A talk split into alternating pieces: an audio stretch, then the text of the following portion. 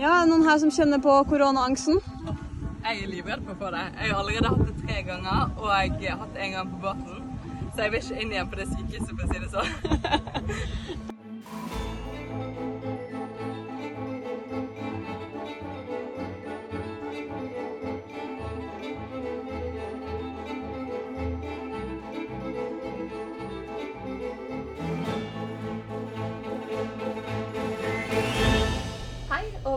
til Over Stillehavet med UiB. Jeg heter Stina, og jeg går manus. Jeg heter Kiri. Jeg går global utvikling. Og nå er vi på strekket fra Fiji til eh, Fiji. Det skulle være Fiji, Samoa, Tonga, Fiji. Men nå er det Fiji-Fiji. Ja, og det er jo flere grunner til at det ble Fiji-Fiji. Eh, listen er ganske lang. Hovedargumentet for at vi ikke fikk dra videre på disse andre øystatene, eller øygruppene, det var jo korona. Ja. Det, det er jo situasjonen at eh, mange færre er vaksinerte. De har ikke så ordentlig. Og at vi fikk korona på båten. Eh, og det var jo et slag i trynet, for å si det Mm. mildt. Det, er, det er å si det veldig mildt. Skuffelsen var ganske stor. Ja. Men eh, vi har jo kommet oss gjennom det. Men det var liksom ikke bare koronaen som satte en stopper eller en liten, et lite kjepp i hjulen, er det man sier? Ja, for det startet jo med at de måtte ankre utenfor eh, Suva i Fiji fordi vi fikk korona. Og da fikk vi ikke dra av fijianske myndigheter Mm. eh, fordi det var sykdom. Og Mm. da eh, fare for at vi skulle bli syke hvis vi dro av gårde, og at vi skulle spre. Mm. Så da lå vi da altså med anker. Eh, og det er jo flere problemer med å ligge stille i en havn. Mm. Eh, mye med skipets funksjoner. Mm. F.eks. det at vi kaster søppel, matavfall, eh, kaster vi vanligvis i vannet når vi er på åpent hav. Mm. Bare, kan- bare matavfall, da. bare ikke matavfall, Ja. ikke noe annet plast. Mm. Det er viktig å si på bærekraftsemnet. Riktig. Men eh, det kan vi jo ikke gjøre i havna Nei. på Suva. Ja. Og så lå vi jo rett og slett Vi lå jo ikke til havn engang, vi lå jo på anker, så vi lå Ja. utenfor havnen. Eh, syv dagers ankringskarantene, heter vel ankringskarantene, Mm. fra fijianske helsemyndigheter. Eh, hvor, vi var, hvor vi var pålagt å ligge der til anker og ikke rykke oss en eneste meter. Og det skaper jo også problemer da for eh, vann. Mm. Fordi vanligvis produserer vi jo vann ved at vi eh, er på åpent hav, hvor det Mm. er ganske rent vann.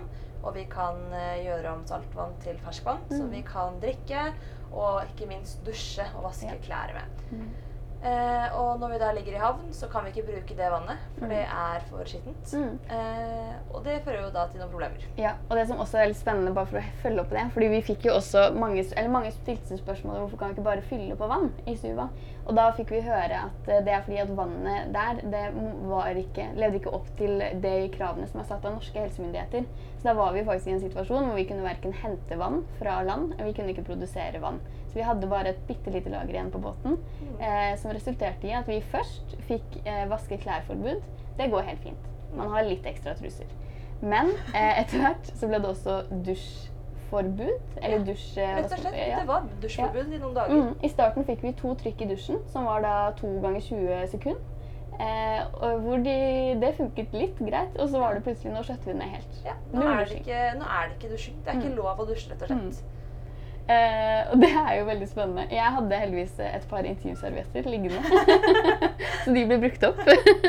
Men det er, det er noe rart med å gå rundt i en sånn der eh, boble hvor du bare det, det blir jo lukt etter hvert. Om det blir lukt. Og i tillegg, eh, det, altså, det å ikke kunne dusje i seg selv er kjipt. Det å ikke kunne dusje når det er varmt og fuktig vær, er enda verre.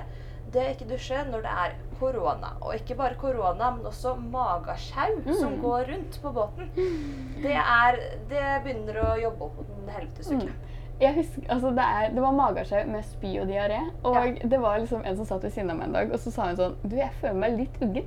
Og så så jeg henne ikke. Og så ble jeg sånn Ok, nå er hun borte fra båten. Og det var da jeg skjønte at nå er det noe som går her. For nå har hun blitt lagt inn på sykestuen fordi det er smittsom magesjau i tillegg til korona om bord. Altså, folk bare forsvant. Vi hadde jo startet med at alle kom dit. Vi fikk de vaktene vi skulle være på. Blå, hvit og rød. Vi ligger i den banneren vi skal være. Så begynner folk å forsvinne. De går ned de ulike, ulike sånne smålugarene som egentlig er ment til lærere og andre. Mm. Eh, de forsvinner én og én. Vi må sove i sånn telt, Mm. eh, som jeg måtte sove i det. For jeg var nærkontakt med noen på land som hadde fått korona. Så hengte det opp et sånt svært eh, telt med en duk nede i ene vannjern, hvor liksom alle vi var. Mm. Eh, det ble krympet etter hvert som mange av de ble bekreftet, så forsvant folk opp. Mm. Vi så de her og der når de satt opp oppe helt på en liksom egen del oppå et slags hus eh, vi har på dekk. Der det, det var liksom deres sone. Eh, folk fikk magesjau. folk- Og så i, i tillegg så gikk det jo en annen type forkjølelse som jeg hadde. Mm. eh, Hvor jeg sov seks timer en dag på dagen i tillegg til nattesøvnen, for jeg var helt slått ut. Folk hadde ørebetennelser. Mm. Altså Det var en uendelighet av sykdom og helvete og null vann. Uff, og så er det liksom sånn, Man skal jo ikke legge skjul på at folk blir jo litt eh, småirriterte òg når Ja. dette varer i flere dager. Og folk blir mer og mer redd for at hvem er neste? Er det Mm. meg? Og jeg sov jo også i dette karanteneteltet. Eh, og var liksom sånn Ok, nå er begge på siden av meg bekreftet smittet. Da er det bare å sitte og vente på en positiv test. Mm. Ja. Og det var et testkjør uten like, som Ja. jo er bra. Eh, det var jo pinner i nesen hver dag, Ja, jeg tror den neseveggen min er permanent skadet. For Ja. det var mange pinner i nesen. Ja, jeg føler at jeg ikke kjenner de pinnene lenger. Fordi at det er liksom Kanskje de har båret, boret Alt et det, gjennom nesen. Jeg stakkars Jon som skal snakke med etterpå. Jeg lener meg fortsatt lenger og lenger bak jo lenger han kommer Mm. inn med den pinnen. Jeg syns det er så ubehagelig. Det er dritekkelt. Jeg lurer på hvor mange tester vi faktisk eh, gjennomførte i løpet av de dagene. Ja, det vil vi spørre ham om, for Ja. det har vært mange. Ja, Han, har, ja, han kan ha doktorgrad i koronatesting. I pinnestikking. Og så i tillegg da når vi har eh, nye folk som vi ikke rekker å bli kjent med, for alle Mm. som sov i det teltet var jo nærkontakter til da, tidligere elever, så de var Mm. jo oss som har vært med fra før av, og ikke de Mm. fra, eh, fra Fiji. Mm. Eh, og at vi også ikke kunne gå på ulike områder. Vi måtte gå med munnbind nede hele tiden. Mm. Vi måtte prøve å holde avstand, som er ganske vanskelig når vi nå i tillegg er 15 personer mer, fordi det er kommet eh, på nye lærere og ph.d.-studenter i tillegg til studenter. Eh, så det er tettere nå enn det vanligvis er også. Eh, og vi ikke seiler. Vi har ikke vakter, så folk også med, eh, mindre spredt utover døgnet. Mm. Vanligvis så har jo, er alltid noen på vakt, men Mm. nå sover, eller da sov veldig mange eh, mellom på natta, og så var de våken på dagen, og da var også alle på dekk samtidig. Mm. Det var eh, tett i tett i tett av folk. Eh, og karantene, som du sa, det var liksom først mange i karantene. Plutselig var det få. Men de som slapp ut av karantenen, gikk jo feil vei. De gikk jo inn i isolasjon. Ja. Så det var liksom en evig ond sirkel, rett og slett. Og alt gikk nedover, og folk ble mer og mer gretne. Eh, men det er det der å leve så tett oppå hverandre. Det fikk en litt annen betydning. For jeg har egentlig ikke tenkt så over at vi er så tett. Eh, vi er jo over 100 stykker på båten, men man har i hvert fall en time i døgnet hvor du kan sitte litt i fred. Men der, den uken der, var ikke det mulig. Fordi at vi var så mange folk, og alle var oppå hverandre konstant. Mm. Jeg tror den største, eller den siste rosinen i pølsa, vil jeg si, Mm. var, var når eh, Eller ikke rosin i pølsa, det er positivt, men eh, en negativ rosin i pølsa Ja, rett og slett. rosiner uansett, eh, var når vi ikke fikk eh, trekake. Ja, det stemmer. Det var en dag vi ikke fikk kake klokken tre, og det har jeg altså vent meg så voldsomt til. Ja. At det er en indre klokke som forteller meg at nå er det kake på gang. Ja. Og nå har vi vært der i godt over eh, to måneder. Og den kaken, den skal jeg ha hver dag. Ja, og så Sånn ble det Jeg tror det var tre dager eller noe sånt vi gikk uten. Mm. Og det var jo fordi at crewet så klart også var plaget med korona, forkjølelse, ørebetennelse, mageskjev og alt det andre ap- apokalypsegreiene som Mm. gikk på båten. Så de hadde rett og slett ikke, eh, nok folk til å kunne lage trekaffe og trekake til oss. Mm. Eh, og det er jo helt forståelig. Men det var også Ja. eh, Jeg taklet ikke det så bra Nei. akkurat der og da. Nei, samme her. Det var det flere som eh, ble litt grumpy av, vil jeg si. Så det og alt det her måtte jo så klart da legen vår takle, eh, som vi skal snakke litt med nå. Hvordan det var å være lege, spesielt da den første uken her, med da vi lå anklet utenfor Fiji, men Mm. også da hvordan det er å være lege på Statsråd Lehmkuhl. Så da kan vi få inn Jon.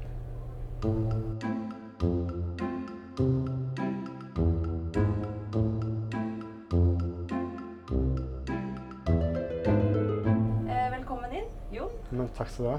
Du er jo lege her på skipet. Stemmer. Eh, Hvordan endte du opp her på Statsråd Lehmkuhl?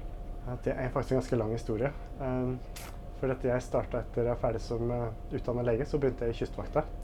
Og så seilte jeg i ti år. Og så begynte jeg å jobbe med sjøfolk på Haukeland sykehus. Eh, og så ledet jeg et senter der for eh, helse på sjøen. Og så inngikk vi et samarbeid med stiftelsen Statsråd Lehmkuhl eh, om den jordomseilinga. Og så er det senteret som da bemanner med leger rundt på alle etapper rundt hele verden. Så, så har jeg vært med på Dette min tredje tur på, dette, på denne ekspedisjonen. Ja. Fra Fiji til Fiji. Hvordan har de andre etappene vært? Jeg har vært veldig forskjellige etapper. Jeg var med på um, en etappe fra Arendal, hvor vi vinket til ordfører og, og et lite korps som, eh, som ønsket oss god tur på denne ekspedisjonen. Og så seilte vi ned til Spania. Og så var jeg seinere med på et tokt rundt Kapolen, eh, hvor vi hadde mye vær og mye eh, eh, hagl, og det var vind og det var sjø. Og så nå er jeg her. Og her er det jo ganske varmt og ganske rolig sjø. Så det har vært veldig forskjellige, veldig forskjellige tokt alle sammen. Men akkurat det toktet her har vært mest preget av, av den situasjonen som vi har hatt. Ja. Vi snakket jo om det en del intromessig. Den Mm. helvetesuka vi hadde ledende opp. Hvordan var det å stå i alt det koronastyret med testing, og så ble det magesjau i tillegg, og så kunne vi ikke dusje, og det var lite vann, og kunne ikke vaske klær. Ja. Som lege, hvordan var det? Det var jo mye som kom på en gang. Eh, og så sånn En og en av disse tinga er jo ikke noe problem. Men det er når det blir mange som blir syke samtidig, så blir det et problem om bord. Og sånn som på Statsraad Lemkull så har vi jo ikke så mange lugarer. Og vi har vel egentlig nesten ingen lugarer med eget bad, f.eks. Så det å isolere eller sette i karantene eller å skille folk som hadde ulike sykdommer, da, covid-19 versus gastroenteritt eh, versus andre ting, for det var jo også folk som hadde andre ting i den perioden. Eh, og all disse all testingen som vi måtte gjennom for å tilfredsstille krava til, til fijiske myndigheter. Eh, det var ganske, eh, ganske mye arbeid å få til å gå rundt. Når man er lege i en sånn situasjon, tenker du sånn worst case scenario, eller er det sånn det her må bare gå bra? Jeg tenker veldig ofte sånn det her går bra. Ja. Ja. Så du hadde troen på at du kom til å klare å overvinne koronaen, liksom? Jeg hadde veldig troa på det. Og så hadde jeg veldig god støtte også i, i, i alle som jobber her, men også medseilere. At alle var med på en måte en dugnad og, og fikk, eh, fikk i gang isolasjonen og, og stilte opp på testing. Og, eh, det gikk veldig, veldig bra. Og så jo også at det var folk som ble sjuke, som da eh, plutselig fikk noen som steppa inn og tok jobben eh, for de som var syke. Og sånt eksempel var jo at eh, kapteinen selv sto jo i, i skrubben på, på offisersmessa en dag da vi hadde på en måte første og andre vikar var jo, var jo da sjuke med, med luftveissymptomer. Blir du noen gang lei av å måtte stikke pinner opp i nesa på folk? Ja, hvis vi har blitt litt lei av det. Ja, vi, har, eh, vi har vel stukket sånn ca. rundt regna 1000 pinner eh, siden vi dro fra Fiji. Eh, På under tre uker, da? på under tre uker. Og det var et forsøk på å komme inn først på Samoa, så et forsøk på å komme inn på, på Tonga, og så noen forsøk på å komme inn i Fiji. Så det har vært et sånn eh, det har vært et helt annet testregime enn det vi ser hjemme, hvor vi på en måte har blitt litt ferdig med vi har blitt litt ferdig med covid-19 hjemme og på en måte har åpna samfunnet til normalt. Mens her er det mye mer bekymra for konsekvensene det får på helsesystemet om det skal bli mange som blir syke. Og det er klart også på, til sjøs så er det jo også andre konsekvenser hvis det er mange som blir syke òg. Så man er litt mer, litt mer oppmerksom på, på den type ting da, til sjøs enn, enn det vi er i, i Norge nå om dagen. Ja, for Hva skjer hvis man blir eh, ordentlig syk når man er midt ute på havet? Nei, nå er vi jo i Stillehavet. Ja, det er klart det er lange avstander. Og det er jo ikke noe evakuering, sånn helikopterevakuering når man er midt ute på Stillehavet. Eh, så hvis man blir ordentlig sjuk, så, så må vi klare oss med det vi har. Og med de folka vi har. Så det er klart at vi har ikke kapasitet til å ta unna mange syke. Så det vi har hatt nå, er jo mange som har hatt symptomer, og som har vært isolert i, i disse lugarene, Jomfruburet og Bjørninge. Men vi har jo ikke hatt mange sjuke. Det hadde vi nok eh, ikke eh, fått til på like god måte. Så derfor har vi også ligget Vi lå jo også syv dager da i, i karantene eh, forut for avreise fra Fiji. Litt også fordi at vi kunne eh, kunne evakuere hvis det skulle bli en situasjon hvor noen ble alvorlig syke. Nå er det ganske uvanlig blant unge folk da, som er eh, trippelvaksinert, men det er også det er ulikt hvordan folk reagerer på, på covid-19. og Det er vel noe av det som er skummelt med covid-19 på sjøen. Hva med andre ting, da? Da er det mye Det er jo et stort skip, det er mye kan skje. Mye Ja. klatring i riggen og det ene og det andre. Eh, hva, er det, hva er det som er skummelt med å være på skip, og hva er det folk kommer inn til deg med? Nei, Det er et veldig godt spørsmål. Det kommer litt an på vær. Eh, For da vi seilte rundt Kapp Horn, så hadde vi veldig mye skader. Eh, hodeskader, eh, bryst, sånt, eh, ribbensbrudd. Eh, ja, det var veldig mye knall og fall. Eh, det var også litt eldre gruppe med medseilere.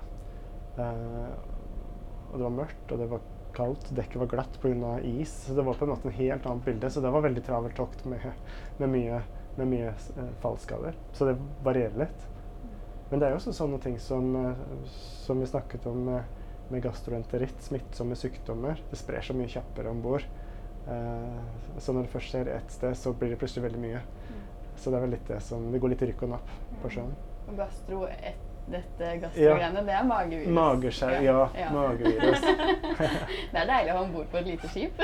Ja, det er det. Og det var jo noen som sa at det første symptomet på den uh, mageskjeven vi hadde her nå, var at man, uh, at man ikke klarte å holde seg i hengekøya. Så, Mm. så det kom ganske sånn eksplosivt, det, det vi hadde. Og så gikk det over like raskt også, heldigvis. For det var ganske mange som var innom uh, her i løpet av den perioden.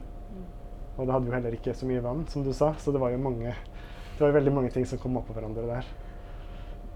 Ja. Men har du, hvis det skulle skjedd noe veldig alvorlig om bord, har du mulighet til å liksom bare ta frem nål og tråd og skalpell og alt mulig rart man trenger for å operere noen sag? Og, eller hvordan, hvordan hadde det funket sånn helt praktisk? da? Nei, det er jo litt sånn, det kommer jo helt an på hva slags type skader det er. Men, men hvis det er eh, I gamle dager så var det mye amputasjoner og, og den type ting på båter. Det gjør vi jo ikke nå lenger. Um, Aldri. Nei, aldri. aldri. Nei, For vi har helt andre måter å, å behandle infeksjoner på, annet. For det er jo det man da frykter. Så mm, det vi må forsøke, er jo å dra nærmere en, en havn, så vi kan få evakuert. Det er jo det det blir hvis det er et alvorlig, eh, alvorlig sykdom eller skade. Um, så det er sjelden aktuelt å gjøre noe, noe mer enn en slags sånn stabiliserende forberedelse for evakuering-type arbeid. Eventuelt um, behandling av infeksjonen. Må på en måte trå vannet litt da, til man hje- hjelp fra, fra et sykehus på land. Og det gjelder det samme selv om man er i, i Stillehavet. Og det gjelder jo også sivil eh, eller normal skipstrafikk, hvor de ikke har lege om bord i det hele tatt. Hvor de må klare seg selv, og kanskje klare seg selv i en uke før de får evakuert noen til land. Så det er en sånn vanlig problemstilling. Eh, og da er det jo sånn at de, de skipene som ikke har lege om bord, de kan ringe til en legetjeneste som vi driver fra Haukeland, som heter Radiomedico.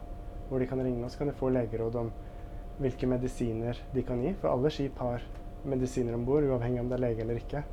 Eh, og så kan de få råd om hva de skal gjøre, hvordan de skal behandle noe. Eh, sånn at, eh, at utfallet blir best mulig da, for sjømannen. Når er det et skip eh, pålagt å ha lege? Veldig godt spørsmål. Eh, Det er når det er 100, eh, en besetning på over 100 mann, og den er i internasjonal fart over tre døgn. Så det er en litt sånn snirklete definisjon. Men det er stort sett så er det cruiseskip.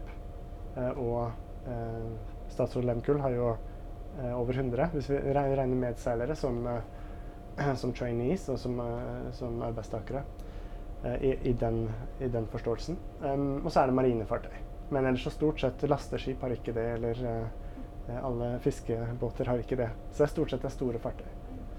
Vi ble litt overrasket i starten tror jeg, når vi hørte at det liksom var en egen lege Mm. for hver etappe. Mm. Men uh, nå etter noen måneder så er det sånn så klart må det være en lege. Ja. Det hadde virkelig vært krise hvis vi ikke hadde det. Ja, og jeg har skjønt at det har vært ganske god, godt besøkt på sykestuen opp gjennom hele reisen vår, egentlig. Er det Ja. lov å liksom spørre om hvor mange som har vært innom deg mens du har vært med? Jeg har faktisk ikke det i hodet heller, men jeg syns det har vært ganske fulle dager. Men nå har kanskje dagene vært mest fulle med de, med de uh, utbruddene vi har hatt. Ja. Så jeg tror kanskje at jeg har hatt litt færre besøk enn det de tidligere legene har hatt. At folk har kanskje ikke kommet for like mye. Men det er klart man er lenge borte hjemmefra og, og har behov for uh, å få undersøkt et utslett eller få undersøkt vondt i et kne eller undersøkt Det er så mange ting som skjer mens man holder på og, og, og jobber hardt på dekk og, og tar seg ut. Så det, jeg tror på denne, øh, dette skipet her så tror jeg det er veldig viktig å ha, å ha lege hele, hele veien. Ja. I starten så Eller det møtet da jeg har vært mest med lege, det var i starten. Når jeg var veldig, veldig spysyk. Ja. Eh, og da fikk jeg plaster og omsorg og det ene og det andre. Altså sånn eh, plaster for å regulere sjøsyke, da. Ja. Som ikke hjalp, for så vidt. Men eh, Hjalp det ikke for deg? Det hjalp ikke for meg. Nei. Men eh, hvordan eh, takler du det når folk kommer inn og er eh, eh, spysyke? Fordi noen måtte jo få intravenøst på slutten her eh, på første strekket. Fordi de spydde så mye. Ja. Nei, du ehm, Jeg syns ofte at sjøsyke er veldig takknemlig ting å behandle. Eh, fordi at eh, Min erfaring er at det plasteret stort sett virker på de aller fleste. Og at de aller fleste er et helt annen person eh, når det har gått noen timer etter de har fått plasteret. Så jeg syns det er ofte en veldig sånn eh, det gir sånn god følelse å kunne gi plaster og noen tabletter, og så var problemet løst. Og så er det mye mer fr- frustrerende med andre ting som man kanskje ikke klarer å løse så bra på sjøen. Eh, så er jeg litt heldig selv at jeg ofte ikke blir like sjøsyk som de som kommer og ber om plaster. Så da kan jeg ha litt overskudd også i de eh, situasjonene. Blir du ikke sjøsyk i det hele tatt selv? Nei, det vil jeg ikke. Nei, ja, jo, jeg blir det. Men, Ja. ikke, men jeg skal ganske mye til. Tar så- du et plaster bak øret da, eller hva? Nei, det har jeg faktisk aldri gjort. Nei. Nei, jeg har ikke det. Men jeg har, jeg har mine eh, triks. Har du lyst til å dele triks? ja, det er, det er frisk luft, sant. Komme seg ut. Uh, eh, hospitalet er jo ganske varmt her på Lehmkuhl, så i det været her så er det ikke sånn, alltid sånn ideelt å, være her hvis man er sjøsyk. Komme seg ut. Ofte så liker jeg egentlig også bare legge meg ned sånn på, på dørken. Jeg syns ofte hjelper kjempemasse. Eller også sette meg på en tredemølle. Det hjelper kjempemasse. Ja, for da, det forsvinner helt. Bare prøv det. Sette seg på en Nei, tredemølle, hva sier jeg for noe? En ergomettsykkel. Oh. Ja. Eller egentlig løpe på en tredemølle. Ja. For at du bare du følger liksom Det er som om du sykler liksom eh, eh, i terreng. Ikke sant? Du kjenner det er veldig rart. Jeg føler en sånn pause fra Pause fra Jeg tror ikke du hadde klart å overbevise meg å sette meg på en trimsykkel når jeg spydde som verst. Nei, så kanskje det må være litt bedre i Men jeg tror på at det funker. Ja, ja, men jeg har faktisk eh, opplevd eh, ofte at det er en sånn pause, og så Ja. går jeg av, og så er jeg tilbake på båten. Sånn Ja, ja, ja. For meg syns jeg hengekøye var utrolig bare sånn en redning. For den stabiliserer seg også veldig fint med bølgene. Så det er ikke rart at uh, noe av mannskapet sover jo i lugarer med senger. Det er liksom vi studentene som må sove i hengekøyene. Men uh, det er jo egentlig hengekøyene som er best på havet. Ja, særlig hvis det er mye Ja, men jeg kan være enig i det. Og hvis det er mye sjø, så sklir man jo på, på laken, ikke sant? Hvis man ligger i en uh, bikke eller en seng, da. Mens i hengekøye så bare følger man jo bevegelsen på en helt annen måte.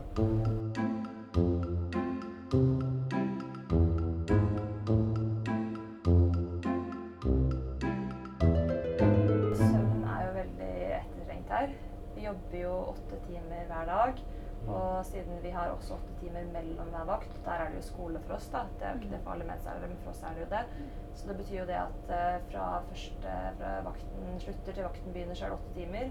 Og da skal vi jo være en spist måltid, ble vekket en time før. Så litt avhengig av vakten så sover vi jo maksimalt mellom seks og en halv til syv timer eh, om natten. Eh, hvor viktig er søvn? Nå er det mye søvnrelaterte greier som folk kommer med.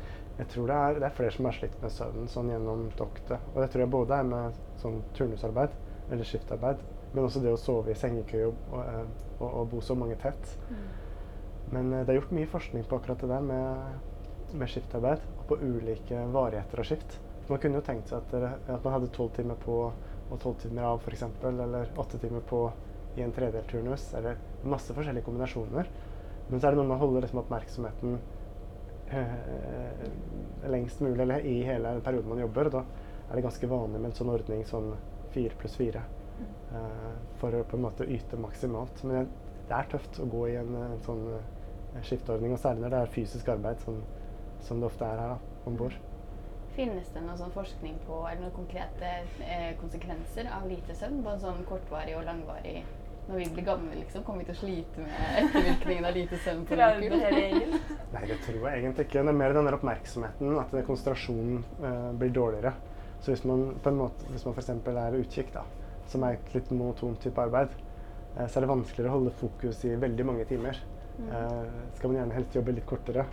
Um, så, så det er mer, man ser kanskje litt mer på ulykkesstatistikken, uten at jeg kjenner detaljene på det, så vil man jo se at man forsøker å redusere risiko mest mulig. og Da ser man jo det har vært mye arbeid gjort på det med skiftordninger for å, å se på hva som gir best eh, mest høy sikkerhet da, og høyest grad av konsentrasjon. Det gjelder jo på en måte på alle nivåer om bord. Fra sånn styrmenn til sånn, matroser. For det er jo risiko knytta til det å klatre eller entre en rigg eh, høyt over dekk. Eh, mye energi i sving. Og det er en stor, eh, stor skute, så, så man skal ha respekt for det. Men jeg tror at eh, de aller fleste takler den uh, ordninga her, eh, fire pluss fire, ganske godt. Ja, nei, for jeg vet Vi får jo ikke lov til å gå i riggen hvis vi er for trøtte eller slitne, Ja. eller hvis vi har et sånn eh, plaster mot Ja. sjøsyketablett bak øret. Eh, og det har jeg tenkt litt på, fordi det er jo av og til vanskelig egentlig å skjønne om man er trøtt, eller om man bare har en litt sånn daff dag. Ja. Eh, så når det ansvaret ligger på deg selv, så må man liksom av og til liksom spørre seg selv to ganger om er det egentlig lurt å klatre opp her nå. Ja. Eh, og hvis man da glipper når man klatrer, så er det jo gjort. Da kan det jo falle rett ned på enten på dørken eller rett i havet, liksom. Ja, ja, absolutt. Det er, eh, det er sånn. Ja. Vi har snakket om det innad at det er litt merkelig at Norge er et veldig sånn HMS-land hvor ting er regulert og du har på hjelm og du går gjennom kurs og sånt. Men eh, vi har jo bare flydd opp i ryggen alle mann. Mm. Det har vært eh, Kan du henge i, en stang i ti sekunder? Ja, det kan du. Da kan du gå 50 meter opp eh, og være usikra. For du er usikra eh, helt oppe i toppen der òg. Helt til du kommer ut på råen. Men sånn eh, Helt enig. Altså, man, kan, man kan gleppe, man kan falle ned. Det har skjedd ulykker før. Men det er jo litt derfor man også har en litt sånn grundig sånn innføring i, i det å entre rigg, og nettopp de forhåndsreglene man skal ta. Og det at man bruker sele når man sånn, klatrer over saling, når man går ut på, på råa. Så det er jo på en måte forsøkt, men dette er jo en gammel skute. Og hvis vi skal seile den som man gjorde i gamle dager, så, så, så er det kanskje den tryggeste måten eh, vi kan gjøre det. Men, eh, men jeg er jo, har jo litt høydeskrekk selv, så jeg er ikke den som flyr høyest opp i, eh, opp i, i riggen. Har du vært oppe der, da? Jeg har vært oppe til andre saling, men jeg har ikke vært, eh, ikke vært høyere. Det er høyere enn meg. Jeg har bare vært i første. Første, ja. Jeg har vært i røyling. Oi, oi, oi. det syns jeg virker ganske høyt oppe. ja. Men jeg syns det er bedre å gjøre det på natten, for da ser man ikke ned. Og da virker det nesten ikke som det er noe særlig. For når du ikke kan se hvor du kan falle, så kan du på en måte ikke falle. Eller føles det litt sånn. Ja. Så hvis man er litt redd for å gå i ryggen, så det føles I teorien skulle man tro at natten var skumlere, men natten er litt bedre. Så kult. Da er det det jeg må prøve. Det er, de fleste blir jo, mm, liksom, aksepterer jo mer høyder etter hvert som man går litt og litt høyere. da. Mm. Og så får man liksom en sånn mestring. Ja, Mm. det har vært veldig gøy. Jeg har en, en på teamet mitt som egentlig har vært litt redd for uh, seiling hele turen. Uh, og nå har jo vi fått nye elever fra Fiji, og da har det vært litt færre av oss gamle. Og da har det vært litt mer rom til å uh, stille spørsmål og prøve ting og være litt mer nybegynner. Eh, og hun har gått fra nesten ikke komme seg over første plattform til å komme seg til røyl. Nå kommer det en liten eh, annonsering over på høyttaleranlegget som går til hele, hele skipet. Og som blir litt ved på skip. I stedet tror jeg også vi hørte den lyden av eh, eh, klokka som ringte slag. Mm. Man slår eh, brannvakten, så går vi på skipet. Eh, ringer vi bjella hver halvtime og time. For eh, ett slag betyr at det er gått en halvtime, og to eh, en time. Og så er det for en fire timers vakt. da. Så på det meste er det fire dobbeltslag. Så da er én vakt over, den andre begynner. Og det var faktisk noe av det jeg savna når vi var i karantene. For da var det ikke de normale lydene Ja. av sjøvakt og at vi seiler. For da var det jo ingen eh, glass. Eller det var jo ikke noe eh, Bjella plingte ikke. Og det var så rart hvordan eh, når vi kom ut på sjøen, så plutselig kom alle disse eh, lydene tilbake. Fine. Men jeg husker også at det var veldig deilig da vi var ute av denne ankringskarantenen, eller hva man skal kalle det. Det var vel kanskje det det Ja, det var. var det det var. Eh, og hvor trykket stemning det var om bord. Ikke Ja. noe dårlig stemning nødvendigvis, men alle var så ugne og lei av å ligge og bare ikke vite hva som skjer. Mm. Og med en gang skuten var ute på sjøen og vi fikk litt vind i seilene, så var liksom alle klare for en ny sånn ny etappe. Det var helt Det var utrolig hvordan det skifta der. ja. Ja. Hvordan er det du trives på sjøen? Jeg liker veldig godt å komme på sjøen. Jeg, mer- jeg merker jeg slapper av ganske godt. For det er litt sånn at vi er litt sånn utenfor, eh, litt utenfor dekning og, og litt utenfor eh, Dagene er veldig sånn faste. Sånn med måltider. Jeg er jo dagarbeider, så jeg starter dagen min klokka åtte. Og så jobber jeg jo til 16, og så har jeg beredskap på en måte hele, hele døgnet. Sånn har det vært ganske mye mer enn det. Men sånn i utgangspunktet så er det en veldig sånn strukturert dag med at vi har ti kaffe, og vi har lunsj og tre kaffe og middag. Og jeg bare liker litt det å bare ha de rammene. Og så bare ikke, ikke trenge å tenke så altfor mye på at jeg skal eh, finne på en masse annet. Når på en måte jeg er om bord her, så, så, eh, så er jeg med på det som er. Og så på en måte bare nyte det og, og bare slappe av litt. Ja, absolutt. Vi har snakket om sånn Og vi gleder oss til å lage mat selv, og vi gleder oss til en til og andre å kunne sove lenge og alt det der. Men det er også veldig deilig å vite at klokken tolv så er det mat, liksom. Da Mm. står det klart, og det er bare å Ja. Og blir vi, vi blir vekket nå hver morgen av eh, av eh, Therese, som er verdens skjønneste, som spiller musikk for oss og vekker oss med det, liksom. Du må ikke sette på en alarm selv, og det, alt bare går så i Mm, det er veldig harmonisk. Og så tror jeg det er flere av oss også. Nå har vi vært her i elleve uker ca. Eh, og vi får jo kake hver dag klokken tre, eller et eller annet søtt. Og nå tror jeg alle har en sånn innebygd sånn søtsugklokke. Fordi ti på tre så blir alle sånn Hm, jeg tror det nærmer seg nå. og så gjør det alltid det. Jeg tror at i, i månedene fremover så kommer jeg til å merke sånn åh, nå er klokken snart tre. For nå kjenner jeg på kroppen at nå har jeg lyst på den der trekaffen. Nå må jeg gjøre meg klar. det kommer til å sitte. Dette er jo et uh, bærekraftsemne fra UiB. Um, hvor vi lærer om bærekraft fra ulike fagfelt. Og det er veldig fokus på det at det er um, tverrfaglig. Og vi har jo også medisinstudenter med oss om bord. Hvordan tenker du at helse og bærekraft går sammen? Jeg tenker at helse står helt sentralt i bærekraft, og særlig på sjøen, eller også på sjøen. For det er jo på en måte folk som kommer til å jobbe på sjøen også i framtida. Selv om vi ser en endring i type skip, type innretninger på sjøen, så er det jo mennesker som skal jobbe der. Og så ser vi jo at, at de som jobber på sjøen, de har eh, vesentlig forkorta forventet levealder. At de har mer skader, eh, mer ulykker, mer eh, ulykker med dødelig utgang. Så det er en sånn veldig stort felt som jeg tror er veldig viktig å jobbe med. Hvis, for Norge, da, som er en stor sjøfartsnasjon og, og sjøfartsavhengig nasjon. for det er jo vi er jo på en måte De varene vi handler i butikken i Norge, er jo sånn rundt regna 90 er jo frakta på kjøl eh, når de kommer til, til, Norge. Så vi er jo helt avhengig av at, at vi har en, en shippingindustri. Eh, og da tenker jeg at, at, det er veldig viktig at vi jobber for at den blir bærekraftig også innenfor helse. For ellers er det ingen som har lyst til å jobbe i en, i en bransje som det i framtida. Hvis man vet at man de helse, får de helsekonsekvensene da, som, som det gir ene medisinstudenten som er om bord, snakket også om det at um, det er veldig bærekraftig for et samfunn at uh, samfunnet er uh, sunt. At man ikke må bruke mye ressurser på medisiner og andre ting. At uh, det mest bærekraftige er jo å ha en veldig god folkehelse generelt. Mm, det er helt sant. det er helt sant. Det er jo mye billigere å forebygge enn å, enn å behandle. og det, det, gjelder jo det samme her. Det er jo mye enklere legearbeid å, å be alle om å vaske hendene enn å, å drive og isolere og, og karantene og osv. Eller at man holder seg fast når man entrer riggen, enn å behandle skader etterpå. Så, så alle sånne sikkerhets, øh, øh, sikkerhetsforhold og, og sånn forebyggende tiltak, det er jo den beste medisinen. Men man kan jo ikke forebygge alt. Så, så jeg tror det fortsatt er behov for si, behandlende medisin. Men, uh, men uh, vi kanskje får andre utfordringer i framtida. For vi skal jo kanskje leve lenger. Dess flinkere vi er til å forebygge eh, sykdommer, så, så, lever vi kanskje lenger for andre helseutfordringer. Men jeg synes, for min del, altså innenfor maritim medisin og maritim bærekraft, så, så syns jeg at de forskjellene er så store. At det er de jeg syns er viktigst. Det at seiler du midt på Stillehavet, så har du faktisk ikke tilgang til helsehjelp. Så hvis man snakker om på en måte det som er sånn grisgrendt i Finnmark f.eks., og langt i sykehus, så er det på en måte ganger 100 her hvor vi er nå. Mm. Ja, det er litt viktig perspektiv å ta med seg. Um, Føler du veldig mye på det ansvaret? Nå er du den nærmeste helsehjelpen. Ikke bare det at du har hovedansvaret for oss som en lege, da, men at du også er den eneste helsepersonellet på mange, mange nautiske mil. Ja, jeg tenker eh, jeg er på en måte veldig sånn, tenker et veldig sånn privilegium, egentlig, å få, få være lege sånn og, og, og, og, gjøre så godt man kan. Og om bord. Eh, fordi at jeg tenker ofte er alternativet å ha lege eller ikke ha lege. Og da tenker jeg at det alternativet at, at jeg er her og kan eh, bruke mine eh, evner så godt jeg kan.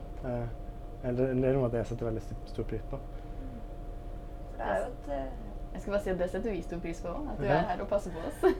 Absolutt. Og så er det jo et eventyr. Det er et eventyr. Det er et eventyr. Jeg syns det er veldig gøy den her hele ekspedisjonen. At vi sender uh, statsråden rundt hele jorda. Mm. Og at um, og at UiB har sant, dette kurset om bærekraft, og at studenter får være med på et såpass stort tokt og lære såpass mye om, uh, om både sjømannskap, men også, også bærekraft. Så, så veldig gøy, gøy prosjekt og gøy å være med på sånn, som lege også. Selv om jeg står litt sånn på utsida og, og forsøker å støtte på det medisinske. Mm. Det er enig. Det er veldig gøy for oss. Ja. det er et fint sted å avslutte. Mm. Fine siste ord. Tusen takk for at du ble med i dag. Ja, men takk. Takk skal du ha. Takk for oss. Dette var eh, Over Stillehavet med UiB.